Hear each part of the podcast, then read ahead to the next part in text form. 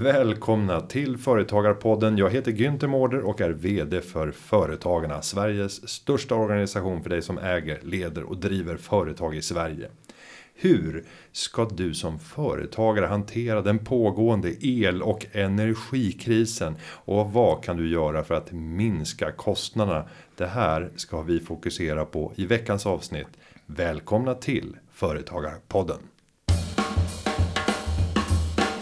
Vi säger varmt välkommen till Mia Sim som arbetar som energi och klimatrådgivare vid Energikontoret Storstockholm. Hon hjälper dagligen företag som vill komma igång eller komma vidare med sitt hållbarhetsarbete gällande miljöfrågor med särskilt fokus på energi och klimat. Varmt välkommen Mia! Tack så hemskt mycket! Det här är en fråga som engagerar något kopiöst.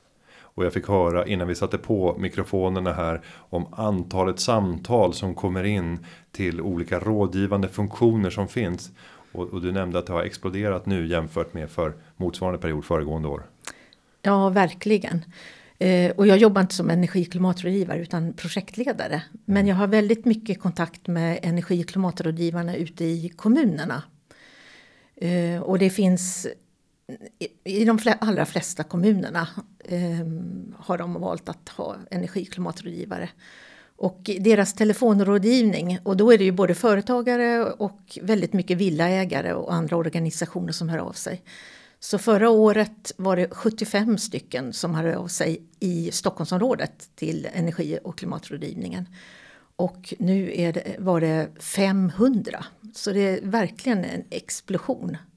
Folk är jätteintresserade av energifrågan och vill ha hjälp. Och här tänker jag att vi måste arbeta annorlunda. För sannolikt så kommer nästan alla de där med ungefär likartade frågor. Så det blir som en papegoja för de som ska sitta i en sån här rådgivning. Ett, ett budskap som jag har till dig som lyssnar. Det är att runt om i Sverige så finns det 240 lokalföreningar inom företagarna.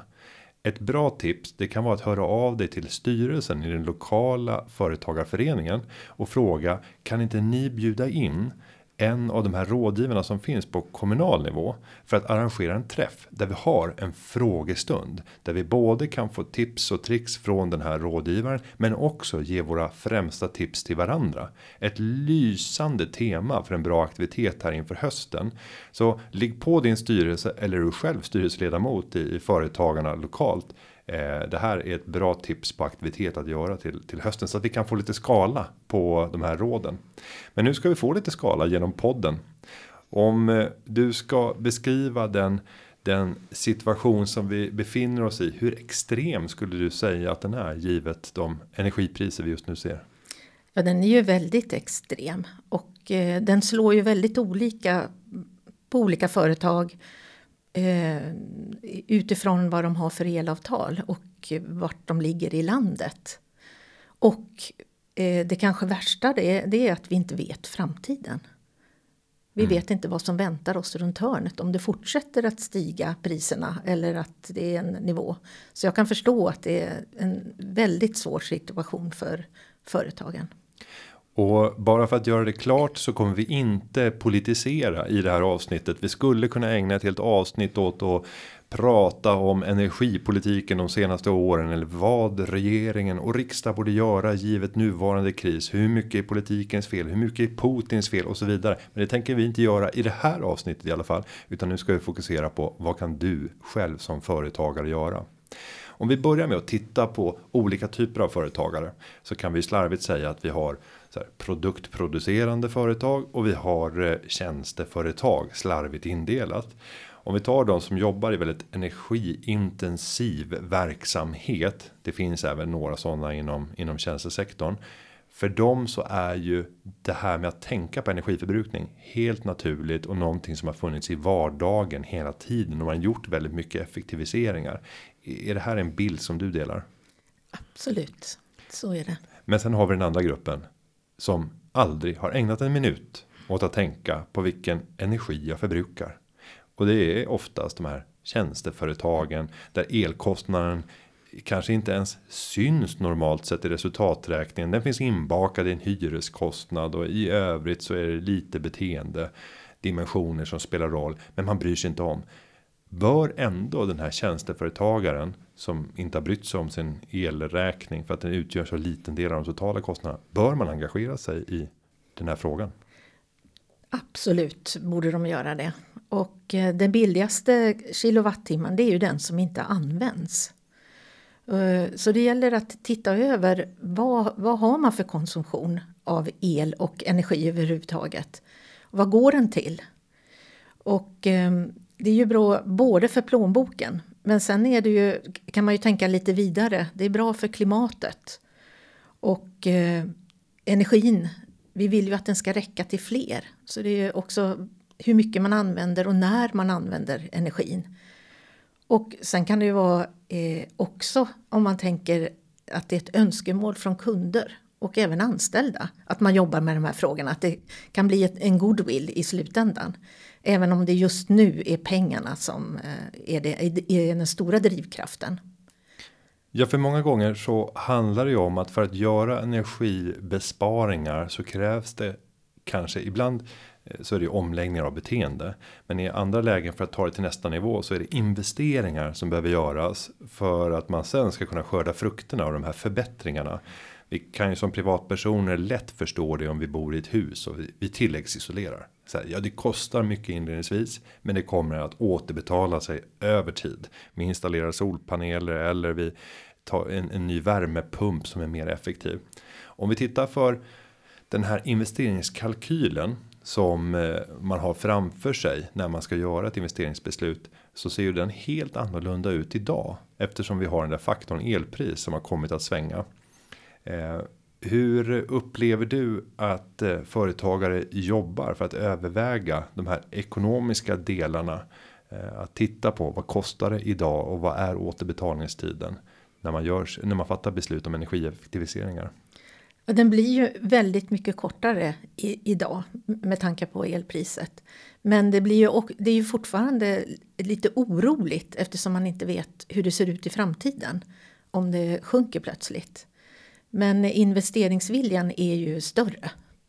Sen kan det ju vara svårt att få tag på de eh, entreprenörer som ska genomföra de åtgärder man vill göra. Ja, och det där kan många företagare vittna om som befinner sig i den här branschen av vad ska man säga allt ifrån värme, ljus, energieffektiviseringar. Jag råkade gå ner till en av braskaminsförsäljarna i området där jag bor och eh, jag möttes nästan av en tom blick. Och sen så det första som de sa. Det är ett och ett halvt års väntetid. Så bara, ja, ja, men jag ska inte köpa. Jag har redan en kamin. Jag ska bara lära mig mer om hur jag kan använda den effektivt. Det vittnar om eh, en enorm efterfrågan och ett stort intresse. Men om vi börjar nu med den här tjänsteföretagaren. Eh, där skulle jag vilja börja i två faktorer. Uppvärmningen av eh, arbetsplatsen, kontoret och vi tittar även på ljuset som vi behöver. Två stycken enkla saker att förhålla sig till. Om vi börjar med värme. De flesta eh, företagare inom inom tjänstesektor som har ett kontor. De hyr sina lokaler om en hyresvärd. Vad finns det för möjligheter att påverka uppvärmningen av kontoret? Eh, ja, man kan ju eh, kolla vad har man för eh, temperatur vid arbetsplatsen. Och ehm, eh, behöver man ha så hög temperatur Sen kanske man kan, möjligtvis kan sänka på, eh, under natten och höja på dag. Och eh, att det, den är, vad ska jag säga, eh, att det inte drar där man sitter. Så att man upplever att det är kallare än det är.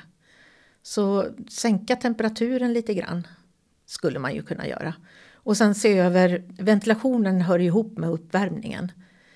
Att se till att den är på när den behövs. Så att det inte står på på natten när det inte behövs. Nu kan det ju vara så att det är hyresvärden, alltså fastighetsägaren som sköter det här. Men eh, det gäller ju att ha en dialog med den och eh, få till det på bästa sätt.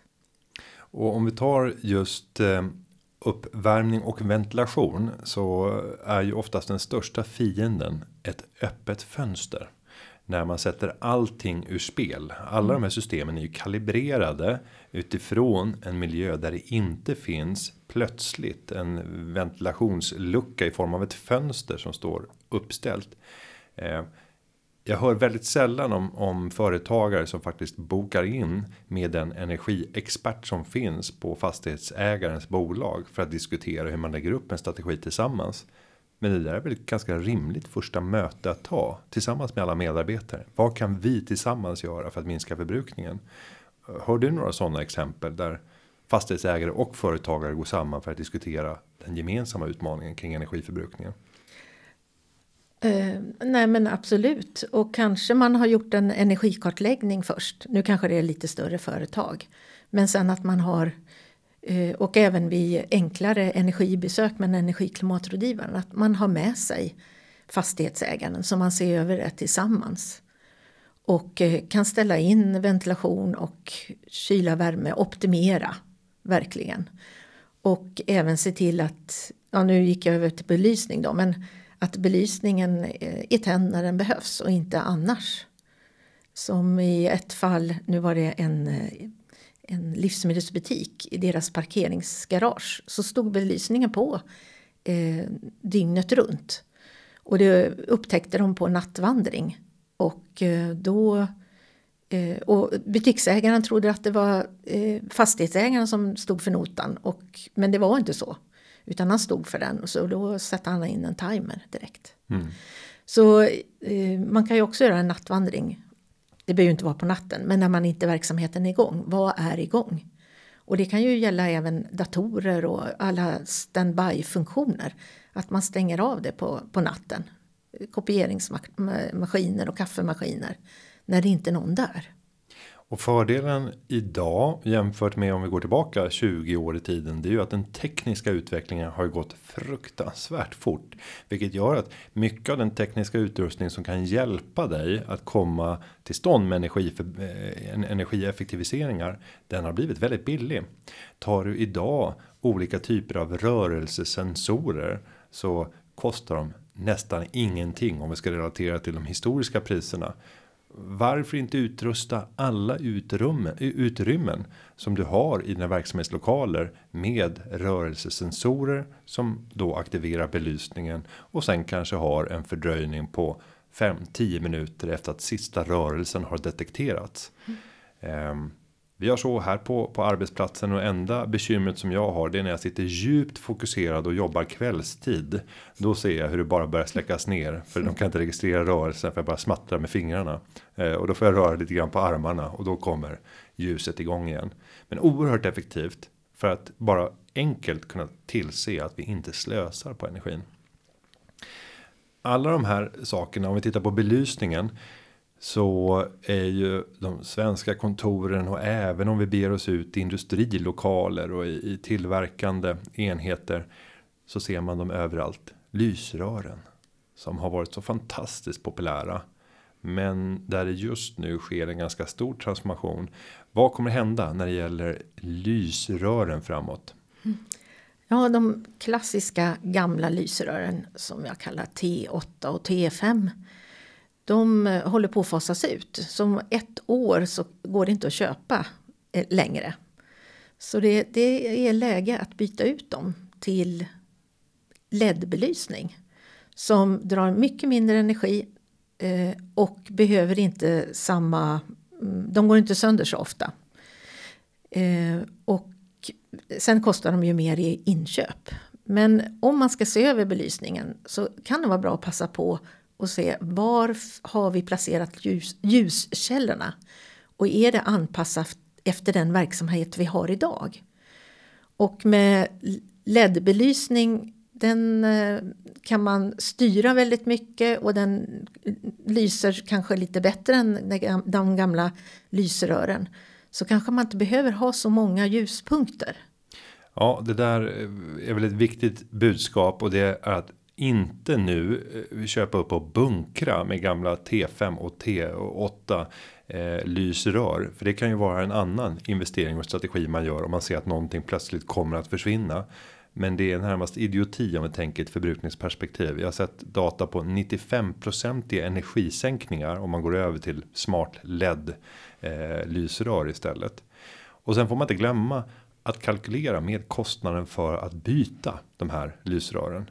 Om vi tar för miljöer där det är ganska komplicerat att byta så är det förenat med rätt stora kostnader. Absolut högst kostnad har vi väl i vårt eh, gemensamma samhälle om vi tittar på gatubelysning. Det är ganska stora apparater att, att byta.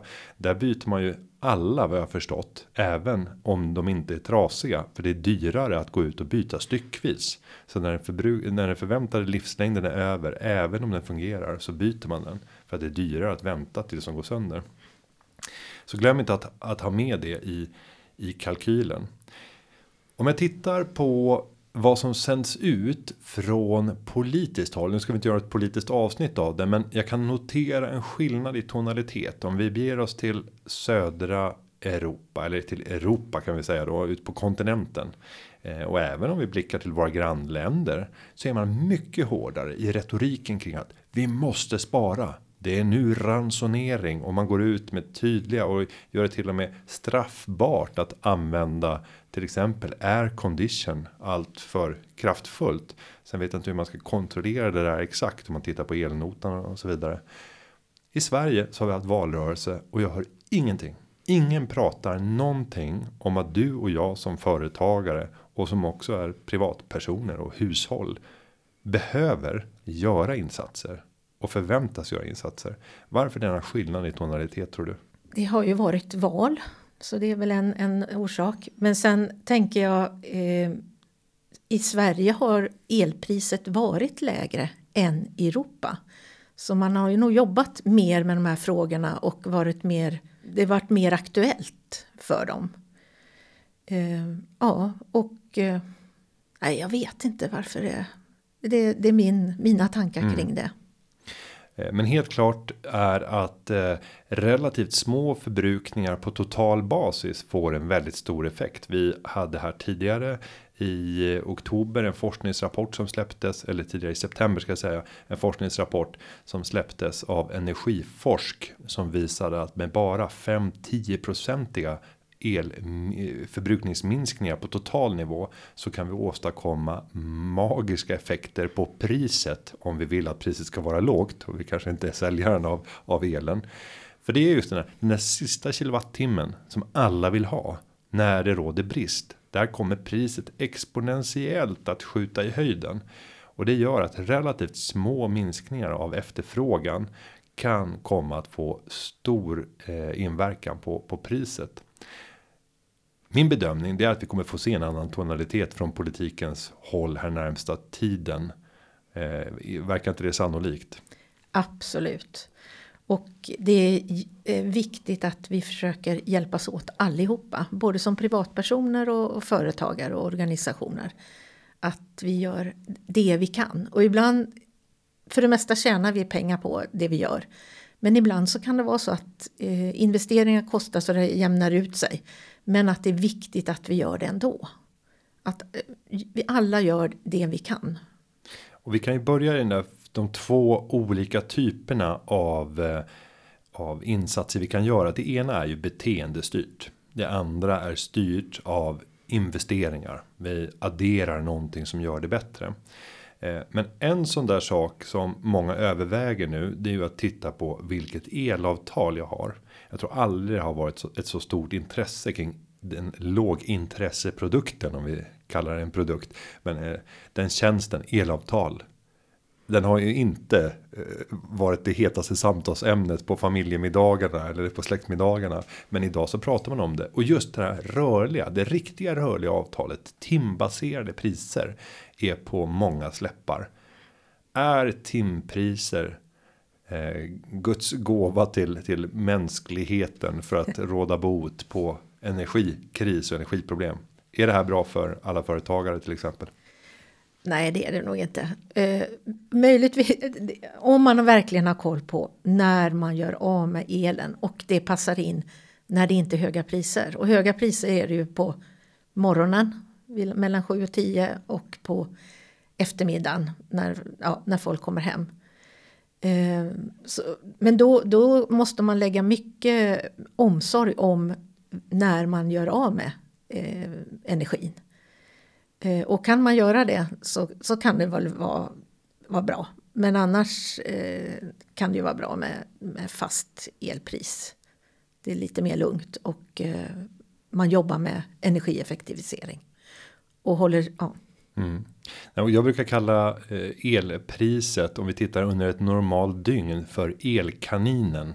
Eh, där man tittar på en, en graf från midnatt till midnatt de 24 timmarna så ritar vi ut det normala elpriset. Hur brukar det se ut? Och nu har ju allt slagits ur ur spel när det gäller normala priser, men kaninen finns fortfarande kvar. Och då ser vi det första örat som sticker upp plötsligt och dramatiskt vid klockan 6, 7, 8, 9, 10 på morgonen. Och sen blir det lite lugnare. Och sen är det en, en form av medelpris kan man säga. Att ett, ett eh, fram till 16 ungefär och så mellan 16 och 20 där har vi nästa öra och sen klingar av fram till till midnatt. Så den här kaninen är lite förskjuten till höger eftersom vi har låga priser mellan 00 och 06 i början på den där serien.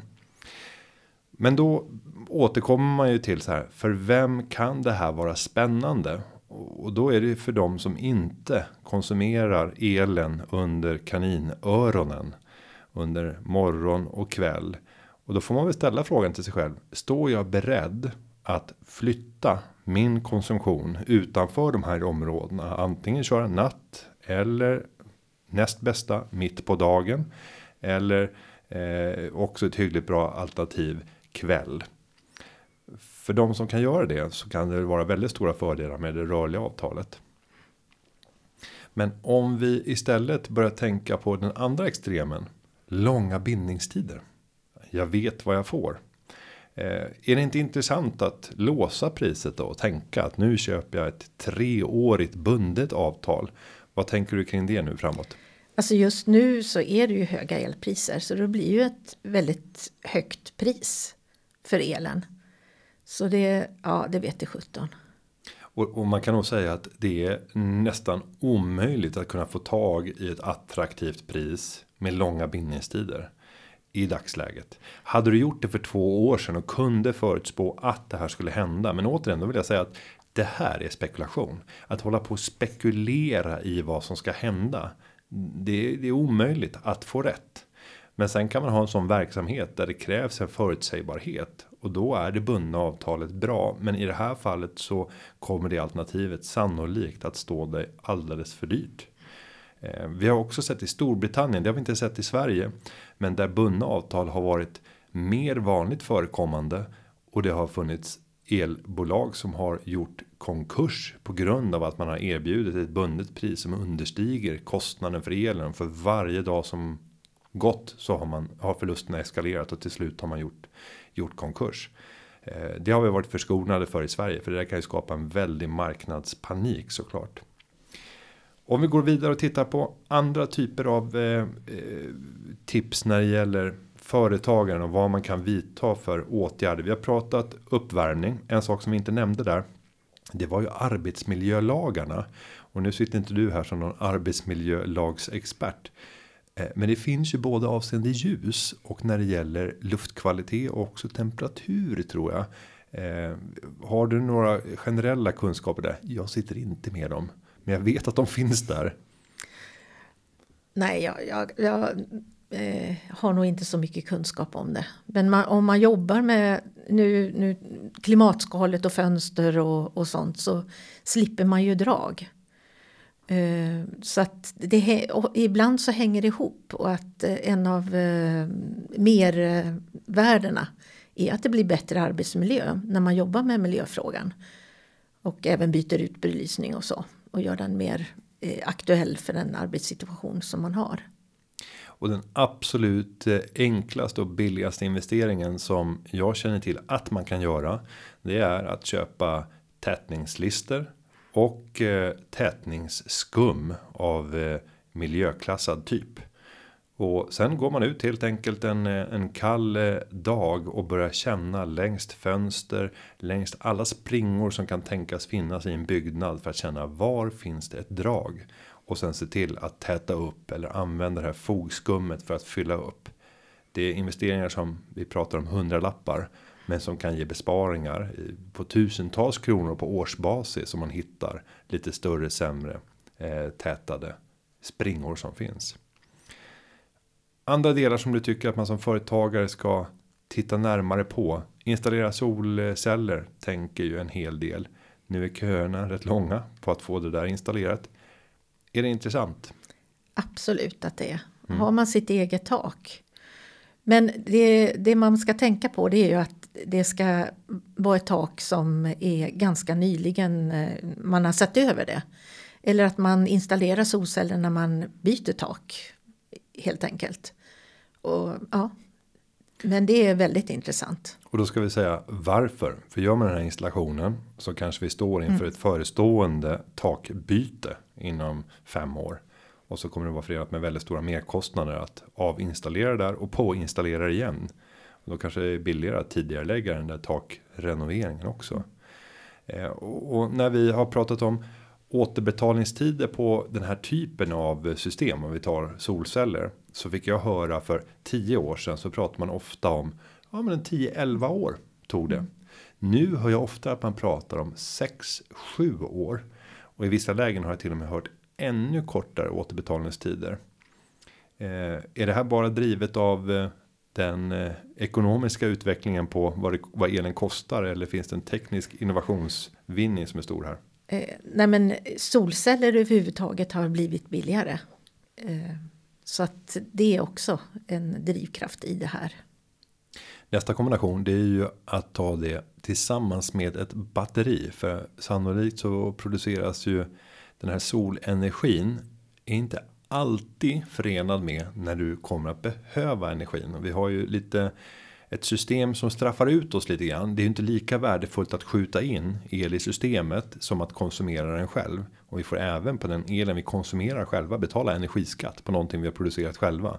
Det där kommer man säkert diskutera och det är uppe i politiska diskussionen nu. Men när vi pratar om lokal lagring. Det ser ju jag som den största spelförändraren när det kommer till vår energiförbrukning och framförallt under dygnets timmar. Eh, batterier idag, är de tillräckligt intressanta i ett ekonomiskt perspektiv för att investera i? Om vi pratar om lagring med en kapacitet att kunna generera 20-30 kilowattimmar. Då är det ganska lite. Men det är ändå så att man kan täcka för en mindre verksamhet de enskilda topparna. Eh, batterierna kostar fort, eh, fortfarande ganska mycket. Så man får verkligen titta över kalkylen där. Och, och där eh, gör jag en passning ut till alla lyssnare. Eh, som säkert många av er känner till så investerar jag en del i spännande företag och ett företag som jag skulle vilja se och som jag gärna investerar i. Det är någon som knäcker nöten med att ta uttjänta bilbatterier. Tänk dig en Tesla 2013 2014. Nu jag kan inte siffrorna, men jag misstänker att 30-40% av deras ursprungliga kapacitet kan vara borta efter 25-30 000 mil av körning. Det gör att bilen är inte lika attraktiv om du har 30 mil eller 25 mil i räckvidd jämfört med ursprungligen kanske 40 eller 45 mil. Det där bilen, eh, bilen kommer sannolikt att kanske behöva ett batteribyte. Nu vet jag att eh, man pratar om att nej, det är väldigt lång livslängd. Men det kommer att ske. Vi vet att det kommer att ske stora mängder batteribyten i bilar framåt. Kan man då i väntan på att det här ska återvinnas använda det batteriet under 3-4 år i hemmiljö och då tänker vi framförallt för hushållen för att kunna kräma ut 20-30 kilowattimmar ur det batteriet för att kunna täcka topparna och inte ens behöva tänka att det ska vara förbundet med solceller utan att det lika gärna kan vara att du fyller de här batterierna under nattid då priset är väldigt lågt för att sen använda för att täcka morgontoppen. Du fyller fyll på eh, fyllnadspåfyller mitt under dagen för att sen kunna täcka kvällen. Min bedömning är att du kan spara ungefär en 50-60% på priset. Och det är klart att när man ser på sina elräkningar nu så kan man betala rätt mycket för ett sånt installerat system. Om du dessutom inte äger det utan leasar hela lösningen så blir det väldigt attraktivt för hushållen. Ja, nu har jag precis gett en företagspitch. Och eh, då är väl frågan Mia, skulle du också vara intresserad av att investera i ett sånt här bolag? Som lyckas lösa den här knuten? Absolut. Ja. Eh, men sen finns det olika projekt eh, där man ehm, har solceller på taket och sen har bostadsrättsföreningar och sen har elbilar i garaget och använder elbilarna som batterilager. Mm. Så, och det håller man på att jobba med. Den där är ju jättespännande för vi sitter nu med gigantiska batterier i de här bilarna mm. som skulle kunna tjäna utmärkt för det här ändamålet. Eh, jag har sett några bilar som har börjat med det. Jag tror att Ford var först ut med att lansera framförallt för hantverkare att kunna eh, Eh, använda bilens batteri för de eldrivna verktygen som man har på platser där du inte kan få tillgång till till elen. Men det där kommer nog sannolikt att bli standard på bilarna att du också kan tömma batteriet åt andra hållet och då kanske vi står beredda att betala de här 7 800 000 kronorna som det behövs istället för 3 400 000 kronor för en motsvarande fossildriven bil. Ja, om vi eh, ska ta oss vidare när det gäller andra typer av eh, av eh, lösningar som vi kan fundera över. Vi har gått över och pratat bilar, laddstolpar. Ehm, det har ju varit en, en ständig diskussion om de senaste tiden. Hänger laddstolpsutvecklingen och utbredningen av täckningen av laddstolpar med när det kommer till tillväxten av antalet elbilar och vad kan jag som företagare göra? Vad är dina råd till företagaren? Ja, det kanske inte hänger med riktigt än, men har, är man en företagare som vill ha elbilar så gäller det den viktigaste laddstolpen är ju hemmaladdstolpen. Så antingen att man eh, laddar bilen hemma där man bor eller vid företaget om det är där bilarna är på natten. Så att, och då kan det vara en normalladdare eller en långsamladdare. Eh, det tar ju längre tid att ladda men eh, ja, så har man dem där och på morgonen så är de fulladdade helt enkelt. Och sen när eh, man ska åka längre sträckor då får man ju kolla in var, var finns det snabbladdare eh, på vägen och eh, planera färden att göra fikastopp eller lunchstopp just när man behöver ladda bilen.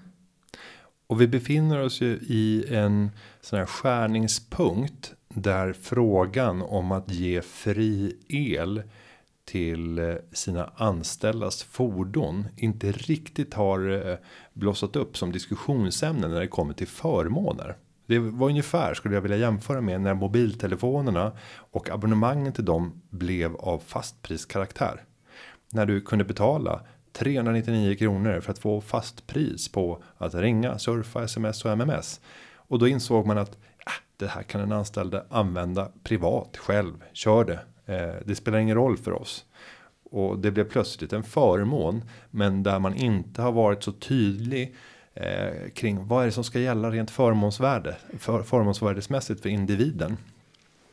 Ni kan föreställa er själva när vi pratar bilar idag. Vad hade hänt om ditt företag köpte in mängder av diesel och bensin och hade i stora tankar utanför era verksamhetslokaler och sen så sa ni åt jobbar ni åt oss då får ni bara fylla upp era bilar när ni kommer på morgonen. Det bara fylla upp. Ni åker alltid härifrån med full tank. Det där skulle bli ramaskri och det skulle bli ordentligt förmånsbeskattat. Men, men när samma sak händer med elen så har vi inte riktigt den diskussionen för vi kan inte särskilja alla gånger. Berätta, hör du någonting om de här frågorna? Ja, jag träffade ett företag eh, häromdagen och eh, de hade eh, tjänstebilar som var placerade på företaget. Och, och, och använder man de bilarna så kostar det ingenting att, att tanka dem mm. eller ladda dem. Men kom man med sin egen bil så var man också välkommen att ladda. Men då hade man den här lilla blippen man gick in i som använde ja, för att låsa upp dörren taggen. och ja, mm. taggen. Eh, så använde man den för att sätta igång laddningen och då kom det på eh, kom det en räkning mm. eller avräknades när man fick mm. lön. Ja, så det går ju väldigt smidigt att eh, ja, systematisera det här så att det inte är något problem. Och det är ju inte så stora kostnader. Den stora kostnaden är ju att installera laddstolparna. Mm. Jo, så är det ju. Eh, sen kan man säga att alternativkostnaden är ju hög om man jämför med vad kostar det med motsvarande mängd diesel eller bensin för att driva bilen. Eh, sen kostar ju inköpet av bilen mycket mer så det är där du har skillnaden i i kalkylen. Så här, vill du ha en högre rörlig kostnad eller vill du ha en högre inköpskostnad med lägre rörligt?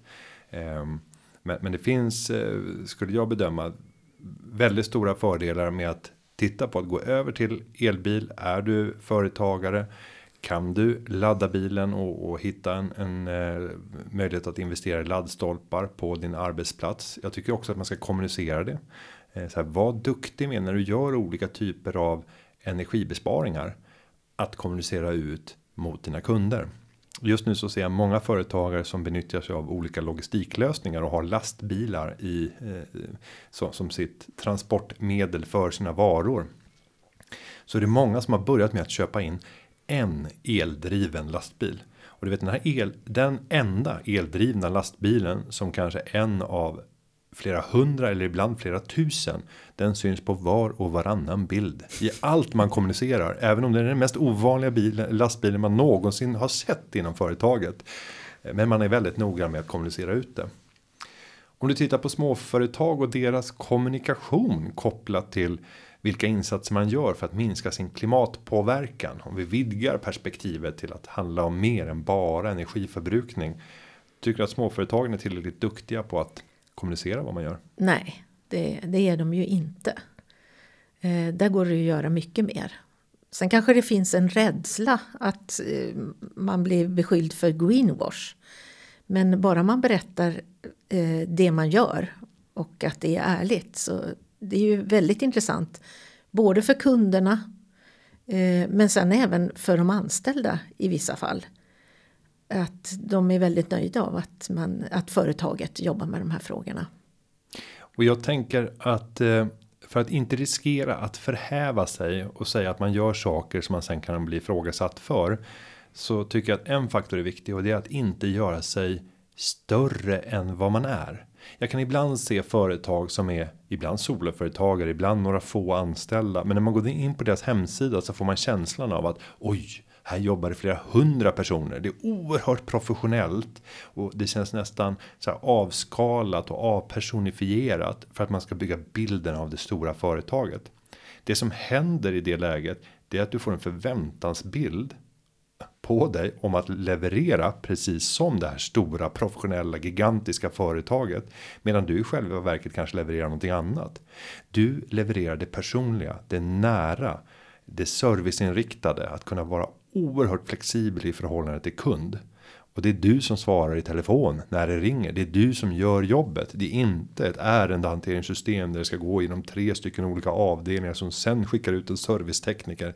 Och att då på hemsidan beskriva så här tänker vi när det kommer till att ta ansvar för vårt företagande både i ett klimatmässigt perspektiv, i ett socialt perspektiv och ett ekonomiskt perspektiv. Och att bara beskriva på det sättet. Så här tänker vi och sen rada upp. Det gör att det blir ganska svårt att kritisera eh, för du kan alltid säga så här. Ja, alla kan tänka olika, men så här tänker vi. Eh, istället för att eh, då göra en stor hållbarhetsrapport och signalera att man är ett, ett gigantiskt företag. Så att börja i det lilla och skala av den här risken att bli ifrågasatt genom att bli mer personlig. Tycker jag är det bästa. Och, och tänk efter. Vad är den stora påverkan i mitt företag vad gäller miljö och vad gäller energi? Och ehm, eh, ha koll på din energiåtgång och utgå därifrån. Och när du gör åtgärder så förhoppningsvis så ser du det på energiåtgången. Eh, och så fortsätt med det. Och där säger du Mia någonting som är väldigt viktigt. Ha koll på. Och för att ha koll på så måste man mäta. Så alla företagare vet att det jag mäter. Ja, det får jag en ganska snabb impuls kring hur det går och då är det lättare att rikta insatser för att åstadkomma en förändring. Men har jag, in, har jag inte någon koll, mäter jag ingenting. Ja, vi brukar säga att det som mäts, det blir gjort. Detsamma gäller när det kommer till energiförbrukning. Så här, börja mät, skaffa dig datan som gör att du kan synliggöra hur ser det ut. Ställ dig frågan. Vill jag att det ska se annorlunda ut? Hur vill jag att det ska se ut? Då går du ut och skaffar dig kunskaper, inspireras av andra och lägger upp en plan för vad du vill åstadkomma. Och sen mäter man i takt med att man gör beteendeförändringar eller gör investeringar om man tar sig mot det målet. Kommunicerar vad man har för ambition inom det här enskilda området när vi pratar kanske energianvändning. Men att börja mäta och där finns det ju väldigt smart teknik som inte är dyr heller för att kunna mäta sin om vi tar elförbrukning. Eh, jag har märkt ett väldigt uppsving för de här realtidsmätarna som man kan montera på många av de klassiska elmätarna som finns i i fastigheten. Eh, är det någonting man bör investera i? Ah, eh, det, det, kan man ju göra, men det viktiga är att börja med den vanliga fakturan. fakturan. Det stora. Själva summan stiger ju, men det viktiga är ju att eh, energiåtgången, kilowattimmarna, att det är de som sjunker. Och eh, titt, jämför ena året med det andra året, kanske bakåt i tiden. Eh, sen även månad för månad och kanske beroende på vad man har för verksamhet, om man har produktion eller så. Eh, titta eh, timme för timme. Vad, när gör jag av med mest? Och är det då på morgonen och, och kvällen så kanske man kan titta över vad är det som är igång då eller som sätter igång då. Och jag har jobbat en del mot eh, livsmedelsbutiker och då på morgonen så sätter ventilationen igång, bageriet igång, eh, belysningen, allting på en gång. Och då bestämde de att då fasar vi in det lite olika så att den där toppen för varje igångsättning inte hamnar precis samma ställe. Och ventilationen kanske inte behöver komma igång innan eh, kunderna är där utan man kan fördröja det lite. Ja. Och, och jag, jag har ju själv engagerat mig väldigt mycket som hushåll i den här frågan för att se vad kan man åstadkomma för förändring och det är lika mycket i kraft av min spariver eh, och, och att testa hur extrem kan man bli. Eh, men också titta på vilken skillnad kan vi göra om alla tillämpar det här beteendet. Nu har jag hållit på det senaste halvåret och jag blir bättre och bättre för varje månad som går. Just nu så ligger jag mellan 70 till 75% lägre förbrukning när det kommer till el jämfört med motsvarande hushåll. Och när jag började då tyckte jag att jag var ekonomiskt sinnad och då låg jag 7 till 10% lägre än snitthushållet. Det var där jag började så det var bra. Det var bättre än genomsnittet. Men nu ligger jag alltså brutalt mycket bättre. Det är klart att det här har fått inverkningar på mitt liv när det kommer till bekvämligheter. Men det är gigantiska besparingar som görs. Och om du tänker, Mia sa tidigare, den, den billigaste kilowattimmen, det är den som aldrig förbrukas. Den kostar noll. Men för de timmarna som jag också förbrukar, de kilowattimmarna, de konsumerar jag under dygnets billigaste timmar. Vilket gör att jag har ett 40% lägre pris för den el som jag konsumerar. Så 70 till 75% lägre elförbrukning än genomsnittshushållet i kombination med 40% lägre pris. Smaka på den. Så här, skulle du vilja åstadkomma det och betala galet mycket mindre än alla andra för din energi som du behöver i ditt hushåll. Nu kan inte jag säga så här till en företagare för då har man en produktion att ta hänsyn till och det är svårare att göra de ingreppen som man kan göra som hushåll. Men det går, går att göra ofantligt mycket och jag tror att mycket vilar på oss hushåll. Det är vi som hushåll som har möjligheten att göra de största justeringarna för att sen säkerställa för de företag som inte har möjligheten att göra justeringarna att kunna åtnjuta det lägre energipris som blir en följd av den minskade förbrukningen. Genom det sättet så kan vi rädda jobb och vi kan rädda ekonomin på det sättet. För det värsta tänkbara scenariot är om vi börjar se att företag inte klarar av att bära sina anställda och tvingas börja säga upp. Ja, nu blev det nästan så här litet ja. brandtal, ett energifyllt brandtal. Men jag tänker också att eh, som företagare ta, ta hjälp av dina anställda. Mm. Eh, för de vet ju eh, vad som händer i företaget, hur produktionen går till. Och med deras idéer så kan man komma på eh, sätt att spara energi. och eh, in, eh, inspirera varandra.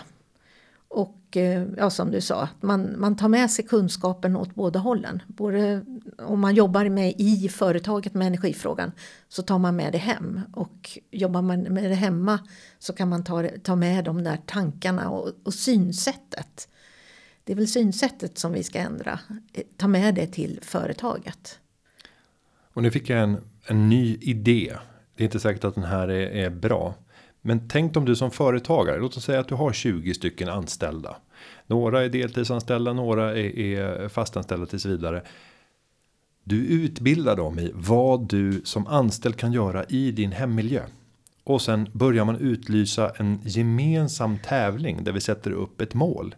Där vi tillsammans ska lyckas sänka vår energiförbrukning med 10%. Låt de som vill vara med frivilligt redovisa varje månad. Hur mycket konsumerade mitt hushåll? Och sen så börjar vi inspirera varandra till att börja jaga effektiviseringar.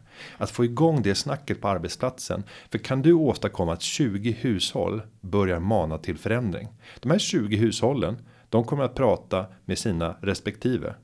De kommer att på middagar tillsammans med vänner och släkt börja prata om det här. Kan du dessutom addera en belöning kopplat till det här så att du kan få spridningsverkningar. Kan du prata om det här i den lokala föreningen för företagarna och få fler företagare att ansluta sig till det här. Kanske kan du få ett energibolag att vilja visa sin storhet i det här genom att gå in och sponsra med olika typer av av fördelar eller belöningar till de som gör de största förändringarna.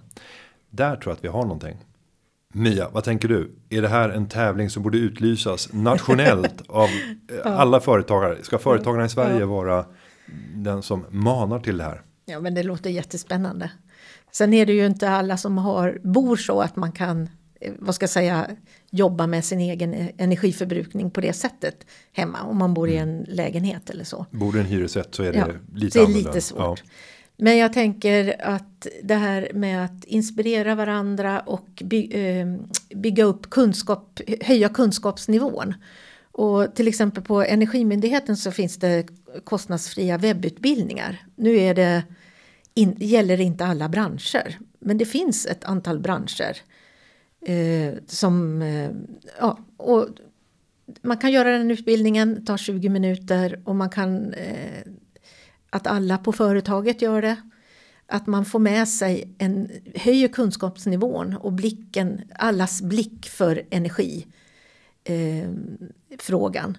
Så både eh, i handhavandet eller beteendet i vardagen men även att, komma, att för, de anställda kan komma med goda exempel och tips på vad vi kan göra i nästa steg inom företaget för att spara energi. Ja, nej, det saknas inte idéer så att eh, nu gå ut och sök kunskaper. Börja mät så får vi sammanfatta det. Leta efter de lägst hängande frukterna. Prata med varandra för att se vilka åtgärder vi kan vidta. Från företagarnas sida så kommer vi fortsätta med att jobba politiskt för att se till att de företagare som drabbas på ett orättvist sätt i den här energikrisen för det finns väldigt stora skevheter i Sverige till följd av elpriszonerna där enskilda branscher närmast kan slås ut i södra Sverige medan man i norra Sverige har fantastiska förutsättningar för att man har det lägsta energipriset i hela Europa och därmed kan ha full orderbok framförallt på grund av att produktion flyttar från södra Sverige till norra. Så ska det naturligtvis inte vara. Vi ska ha jämbördiga konkurrensförutsättningar i Sverige. De frågorna kommer vi jobba med. Vi vet att det kommer att rullas ut stödpengar. Det har pratats om gigantiska stödpengar.